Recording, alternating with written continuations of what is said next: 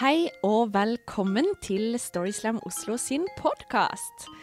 I dag så hører du meg, Synne Sagstad Imeland. Og den andre personen som jeg har med i studio, det er deg. Karoline Marie Enoksen. Ja, det er meg, det. Yes. Ja. Og eh, den aller første historien vi skal høre i dag, den kjenner du ganske godt. Ja, Og jeg gjør Og hvordan kan det ha seg? Nei, det har seg vel sånn at det er min fortelling, da. Det stemmer. Karoline, det var andre ganger i ditt liv at du fikk fortelle en historie på Storyslam sitt livearrangement. Og denne ganga på Slottsfjellfestivalen. Ja. Hvordan føltes det? Nei, du, det føltes veldig bra. Eh, jeg var ganske mye mindre nervøs denne gangen enn det jeg var første gang.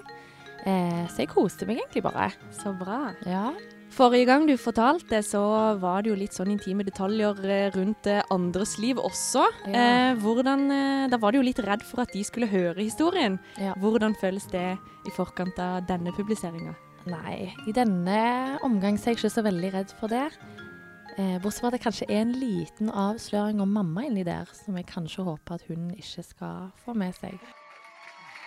Det er sommeren 2012. Jeg er 24 år og har nettopp kommet ut av et forhold som hadde vart siden jeg var 17. Som resultat av det her så befant jeg meg inne i en ganske intens og egentlig litt desperat 'jeg skal ta livet og ungdomstida mi tilbake'-modus. Det hadde vært en lang vinter, og det lå an til å bli en jævlig lang sommer dersom ikke jeg gjorde noe drastisk. Så jeg vurderte først interrail. Men så kom jeg på at jeg hater jo tog. Og det er jævla stress med den sekken. Så derfor vurderte jeg Ibiza. Men da kom jeg på at det var jo der mamma var på partytur i 1984. Noe jeg kun vet fordi tanta mi har fortalt meg at mamma var med i en Miss Wet T-shirt-konkurranse der. Og vant. ja. eh, så det var kanskje litt umoderne. Men så var det en ting som jeg hadde kjent veldig på i denne seks år lange perioden, som var mitt forhold, og det var den konstante undertrykkingen av min indre hippie. Kort forklart så hadde ikke min ekskjæreste syntes det var så fett at jeg skulle ligge rundt i masse urinbada telt i en evig marianerus frammen med masse fremmede. Ikke at jeg kan skjønne det.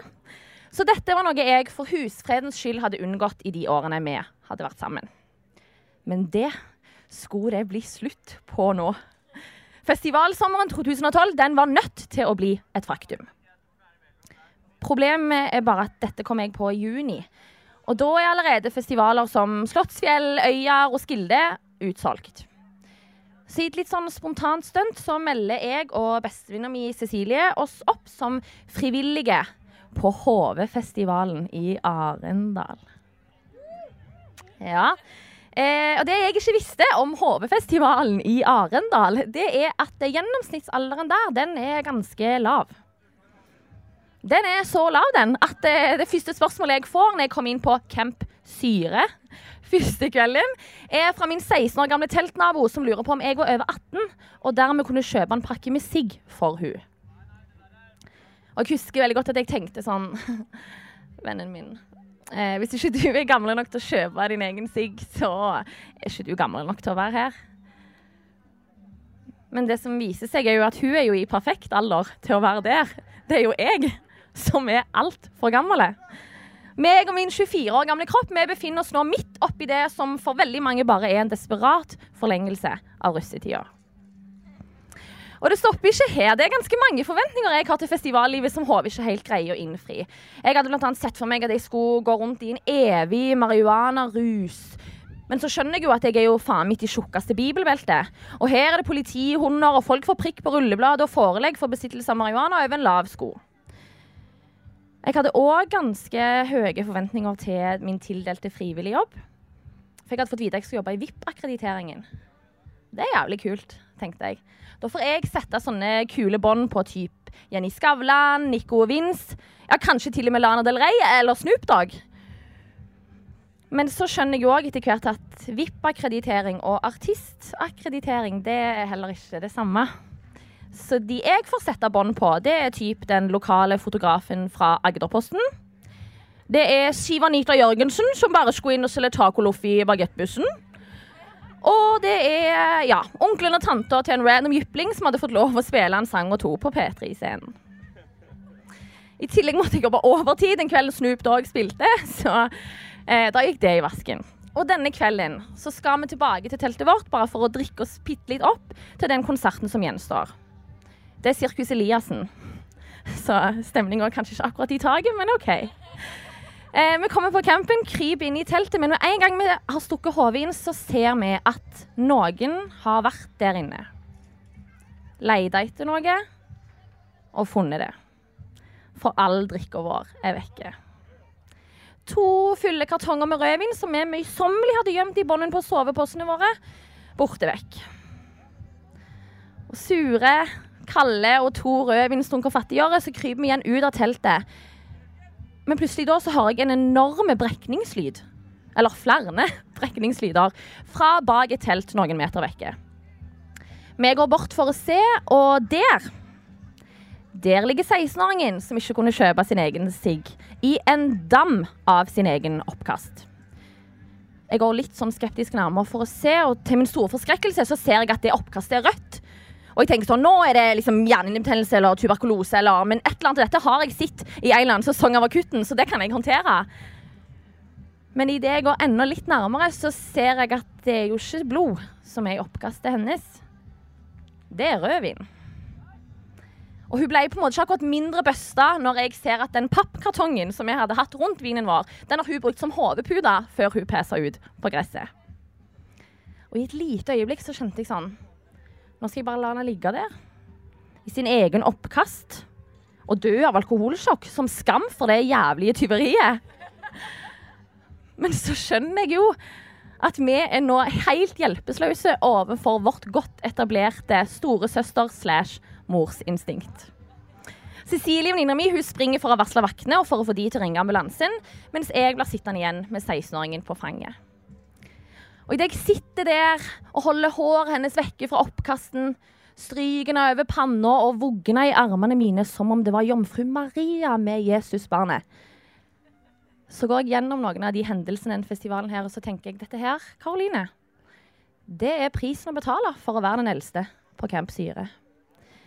Fordi du skjønner at du er for gammel for det rølpete festivallivet. Når f.eks. venninna di våkner opp med et øye som har hovna opp trippel størrelse og det første du gjør, er ikke å ta en selfie av det eller bli bekymra for at kveldens fest går i vasken. Nei, det du tenker på, er om dette kanskje er grå stær. Og hvor i alle dager har dere gjort av reiseforsikringspapirene? Eller når du står på Big Bang-konsert, og Øystein Greni kaster tamurin, og du tar imot den. Men det er ikke fordi du har et jævlig bra mottak, det er fordi du er høyere enn alle andre som står rundt deg. Eller når drikka di blir frastjålet i teltet ditt. Og det du blir sur for, det er ikke den manglende promillen, men at det var en 2010-årgang Bordeaux som du hadde gleda deg veldig mye til å smake på. Dette ble siste året mitt eh, på HV-festivalen. Og jeg var veldig spent i forkant av det festivaloppholdet her. Det må jeg si. Jeg googla ganske mye forrige uke, men til min store beroligelse så kunne jeg se at 70% av festivalpublikummet på Slottsfjell de er mellom 25 og 50 år.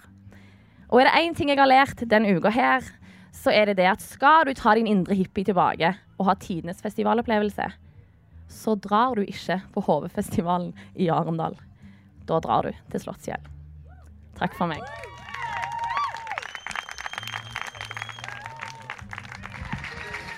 Takk for uh, den fortellinga, Karoline. Jo, vær så god. Hvordan var det på Slottsfjell, da? Fikk du uh, levd ut din indre hippie der? Ja, tja. Det spørs egentlig. Jeg fikk vel ikke levd ut så veldig mye min indre hippie. Eh, men vi fikk jo være litt backstage og sånn. Så jeg fikk kanskje heller levd ut min indre diva, hvis den fins. den fins. Ok. Så bra. Eh, fra det ene temaet om å være litt for gammel til noe, så skal vi rett og slett videre til det motsatte. Ja. Nemlig det å være litt for uh, ung for noe. Og det er Tor André Moritzgard som forteller oss en historie om da han uh, gjorde noe som mange kanskje vil si at han var litt for uh, ung til. Ja, kanskje litt. Ja. Vi får se. Her kommer i hvert fall hans fortelling. Dere ser det kanskje ikke så godt på meg, men eh, jeg kommer fra ganske trange kår. Uh, og da mener jeg ikke sånn at vi var sånn fryktelig fattige, men uh, det var sånn at der jeg kom fra, så var det dårlig utvalg av damer. Ganske enkelt fordi det var et veldig lite sted. Og når man har så trange kår som det jeg vokste opp med, så er man nødt til å ha uh, lave forventninger. Men det er helt greit. Og når jeg var 14 år, så uh, var jeg eh, en aktiv fotballspiller. Og i en knøttliten periode så var jeg faktisk singel. Og dette var noe som var uvanlig for meg, for jeg hadde hatt kjærester gående fra jeg var fra barneskolen nå opp, som sikkert hadde noe med mine litt lave krav å gjøre. Men når jeg var 14, så fikk jeg en dag en, eh, en melding fra ei på bussen som pirka borti meg, og så spurte om, hun om jeg kunne bli sammen med bestevenninna hennes. Og da tenkte jeg jo som så at ja ja, hvorfor ikke? Eh, jeg er jo singel, så da er det bare å kjøre på. Så da starta det forholdet. Og på den tida så spilte jeg også fotball. Eh, som mange andre gutter på 14 gjorde, så spilte jeg fotball hele året rundt. Og i november så var det innetreninger. Og den lille plassen her, den er så liten at det er verken skole eller eh, eller eh, fotballag i bygda, så vi måtte reise til nabobygda for å spille fotball. Der var det en smal vei eh, under den store åskammen som danna et fjell, som var bygd av eh, tyskerne under krigen, eller det var vel russerfangerne som bygde veien, men det var tyskerne som tok initiativet. Og der inne spilte vi altså fotball. Og når det var fotballtrening, så var det kanskje den største begivenheten den dagen. Så da var også alle jentene på ungdomsskolen og så på at vi hadde fotballtrening i gymsalen. Altså de fem stykk, da. Uh, og når fotballtreninga er ferdig, og den går sin vante gang, som den alltid gjorde, så får vi høre av fotballtreneren vår at uh, han har fått en telefon. Det har gått ras. Så veien fra den bygda jeg er i, til den bygda hvor jeg bor i, den er stengt. Og da begynner panikken litt å slå i meg. Fordi neste dag så er det selvfølgelig tentamen på skolen. Og hva skal jeg gjøre der? I fotballklær og alt. Ja, må jeg sove i gymsalen, da? Eller må jeg kanskje gå opp og, og legge meg på klasserommet allerede og bare vente? Da får jeg høre svakt bakfra. Du kan, eh, du kan sove hos meg, sier hun. Ja, ja. Jeg kjører på. Så jeg følger, ut, eh, følger med henne ut og oppover mot der hvor hun bor. Og jeg får komme inn, jeg hilser på mora, som jeg selvfølgelig har hilst på før, fordi jeg kjente jo alle sammen der. Og så forklarer hun situasjonen. Ja, han, det, det har gått ras, og Tor André trenger et sted å sove. Og så, ja, så Det er ikke noe problem. Jeg fikk sove i dokkestua ute i hagen. Men det var egentlig veldig greit, fordi det var en omgjort dokkestue fra en sånn hytte nede på campingen. Så det var en liten trang seng der, og egentlig så var det helt ypperlig for meg. Så vi ligger inne på rommet der eh, og småkliner litt før det er på tide, eller banker på døra, og mora sier at ja, nå må Tor André legge seg. Og så går jeg ut i hagen og legger meg. Og jeg sovner. Og jeg sover lenge. Flere timer. Helt til sånn i halv tre-tida så hører jeg at det banker. Det banker på vinduet som er rett over for den lille senga. Og så banker det en gang til. Og jeg åpner meg, eller strekker meg opp for å se hvem det er som banker på. Og det er selvfølgelig hun som skulle vært inne og sovet, som banker på ruta. Så jeg åpner opp ruta, og hun klatrer innover den smale campingruta og ned i senga mi. Ja, akkurat. Og det er da det skjer. At en 13-åring og en 14-åring debuterer seksuelt uten å vite hva de noensinne, noensinne egentlig holder på med. Og det skal sies at jeg ejakulerte første gang flere måneder etter min første seksuelle debut, fordi jeg ikke visste hva det var for noe. Men vi brukte kondom. Og så går hun inn og legger seg igjen, og så uh, går natten videre, og jeg sover godt. Og neste morgen så går vi ned og har tentamen sammen i mine fot svette fotballtøy.